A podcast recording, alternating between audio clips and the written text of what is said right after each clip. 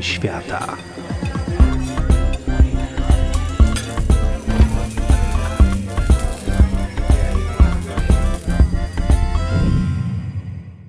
Dzień dobry, chociaż na początek to mambo prosto z Zanzibaru. Podczas ostatniej wizyty w Żambiani, zajadając się wiórkami ze świeżego kokosa i super soczystym ananasem, zapytałam naszych zanzibarskich przewodników, jakie owoce oni lubią najbardziej. Jeden natychmiast powiedział, że truskawki, a drugi, że jabłka. Najpierw pomyślałam, jak można żyć wśród tych wszystkich bananów, mango, papai i innych rajskich owoców i tęsknić za jabłkiem. Ale potem do mnie dotarło, że w sumie to racja.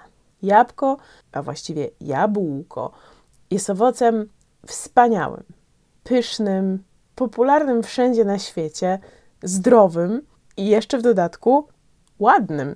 Więc dzisiaj będzie odcinek o jabłkach. I za jabłkami trochę sobie po świecie pojeździmy.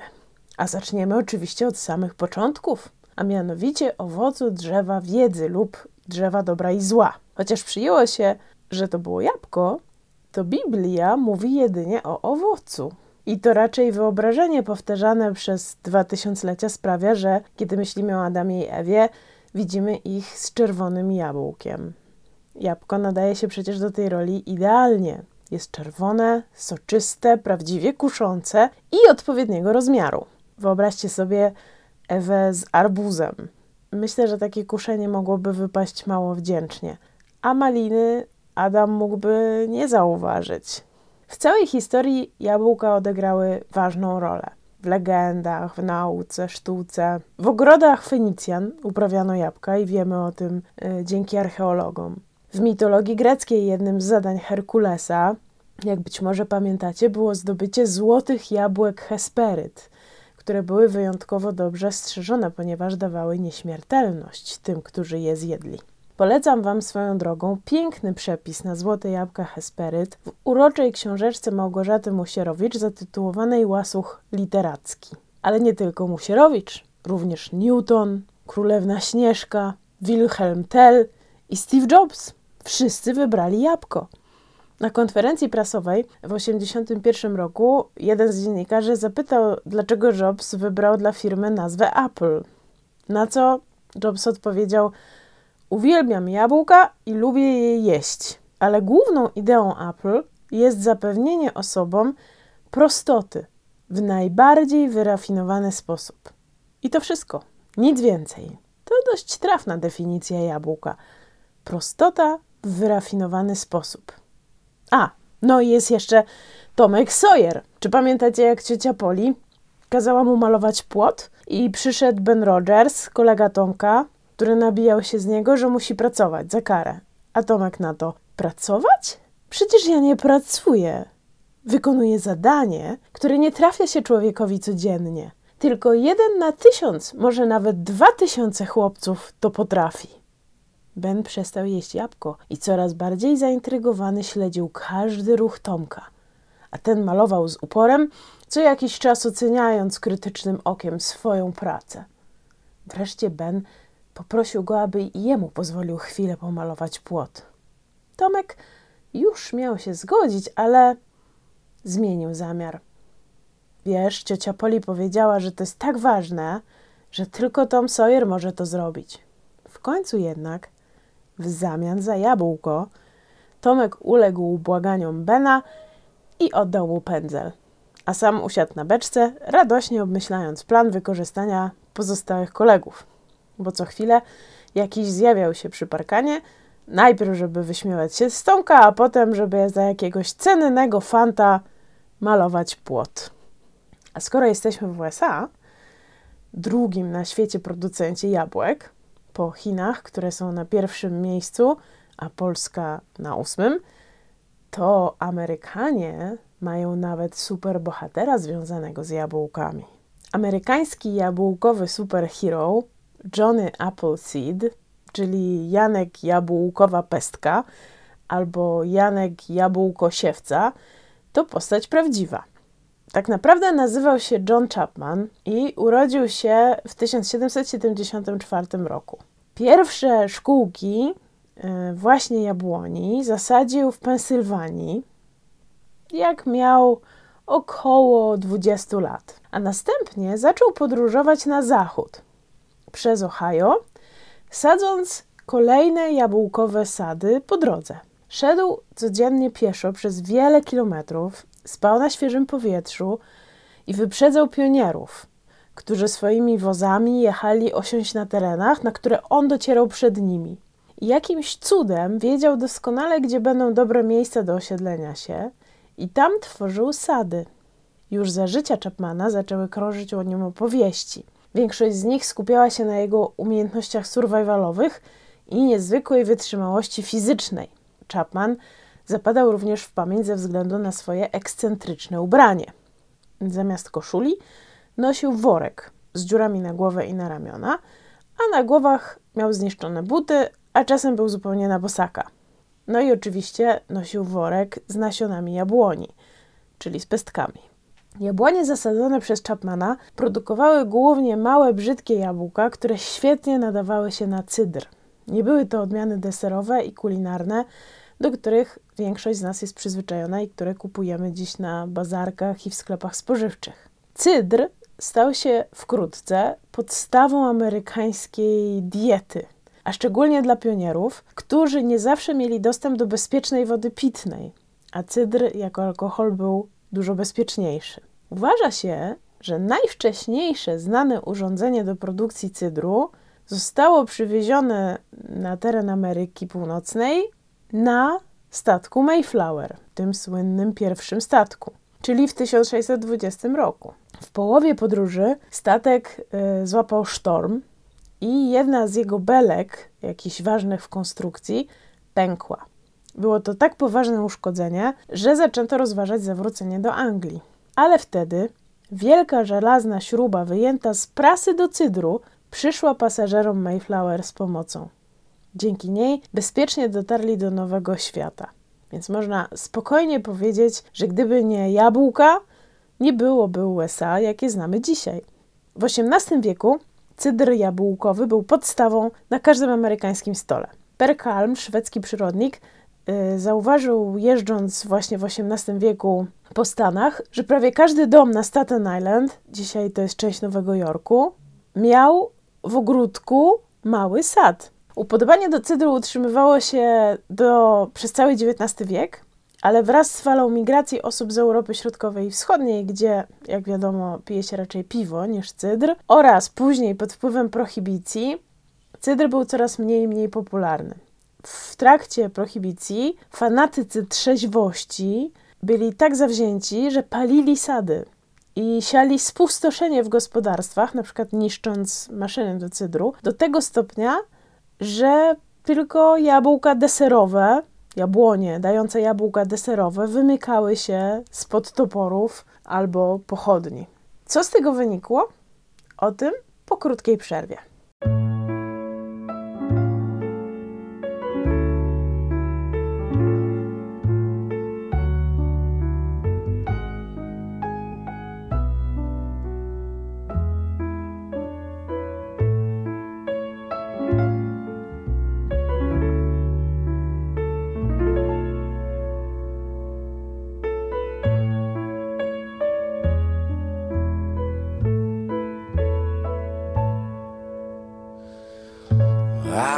Care if she never comes back.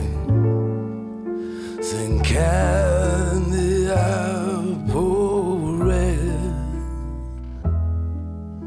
I'll never fall in love again, and that's for sure.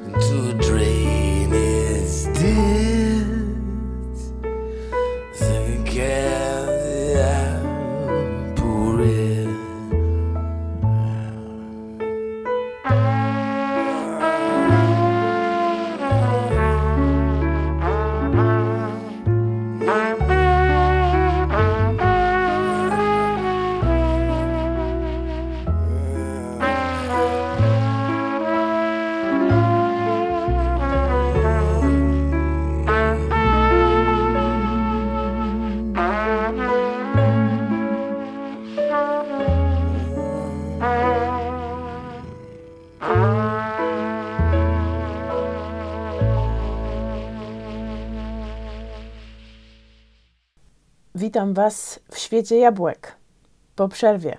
Otóż pozostawione przez fanatyków trzeźwości jabłka deserowe były dużo ładniejsze niż te brzydkie jabłka cydrówki. I dzisiaj śliczne cukierkowe jabłka Apple Candy, takie czerwone na patyku, są tym obrazem jabłka, które przeważają w USA. Błyszczące czerwone kule stworzyły taki trochę nieoczekiwany i niejadalny trend – a mianowicie nowy, taki pikantny kolor lakierów do paznokci, szminek, lakierów do samochodów, zwany no właśnie Candy Apple Red. Kolor ten jest używany często do malowania nie tylko samochodów, ale na przykład gitar elektrycznych, monster trucków i jest oficjalnym kolorem Virgin Airlines.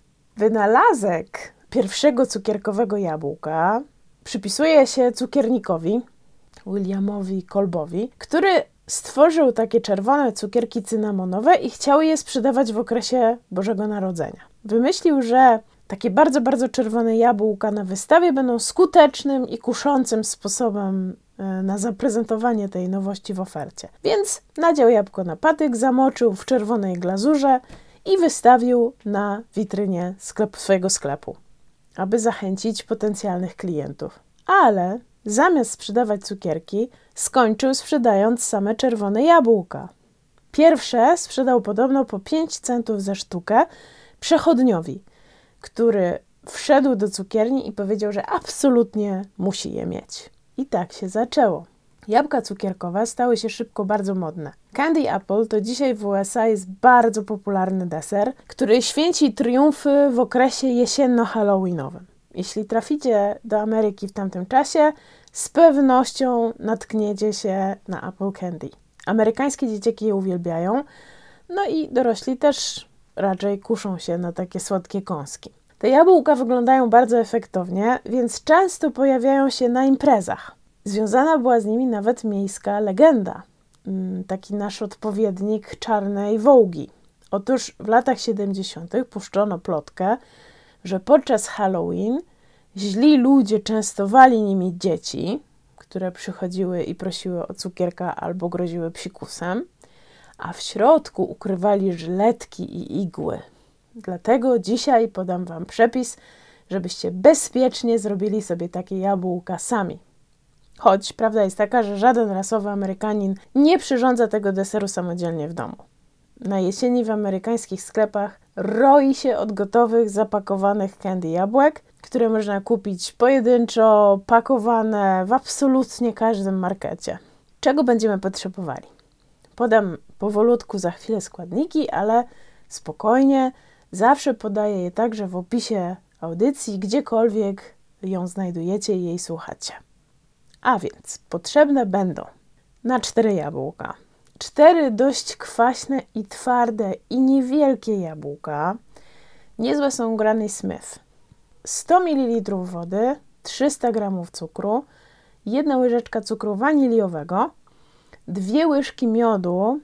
Amerykanie używają do tego tak zwanego golden syrup, czyli takiego złotego syropu. W Polsce dość trudno go dostać, a jest to po prostu syrop z cukru i wody. Pół łyżeczki cynamonu, 3 do 5 goździków, odrobinę czerwonego barwnika spożywczego i 4 drewniane patyczki. Jabłka trzeba umyć, usunąć ogonki, ale absolutnie nie ubierać ze skórki. Wbijcie patyczki w miejsce ogonków. Mocno, tak żeby jabłka Wam nie pospadały.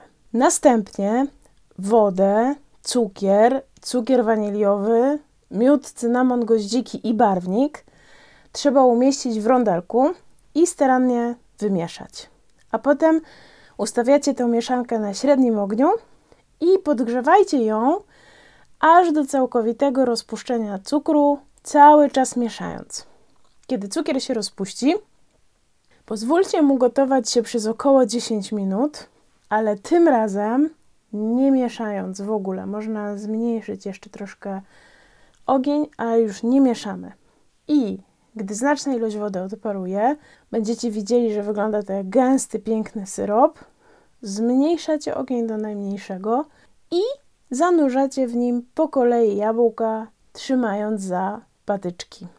Zanim cukierkowa polewa ostygnie, możecie delikatnie obrócić każde jabłko kilka razy, trzymając za patyk, żeby płyn równomiernie pokrył owoc.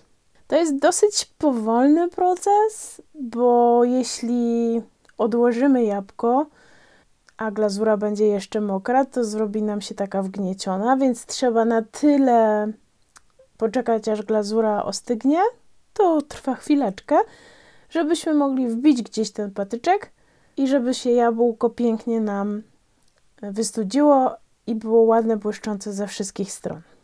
I gotowe. Możecie oczywiście bawić się kolorami polewy. Ona wcale nie musi być czerwona. Możecie też posypywać albo właściwie obklejać pokruszonymi orzechami, kolorowymi posypkami, pokruszoną czekoladą, albo ostatnio moim ulubionym, absolutnie przepięknym, spożywczym brokatem. W każdym razie smacznego chrupania.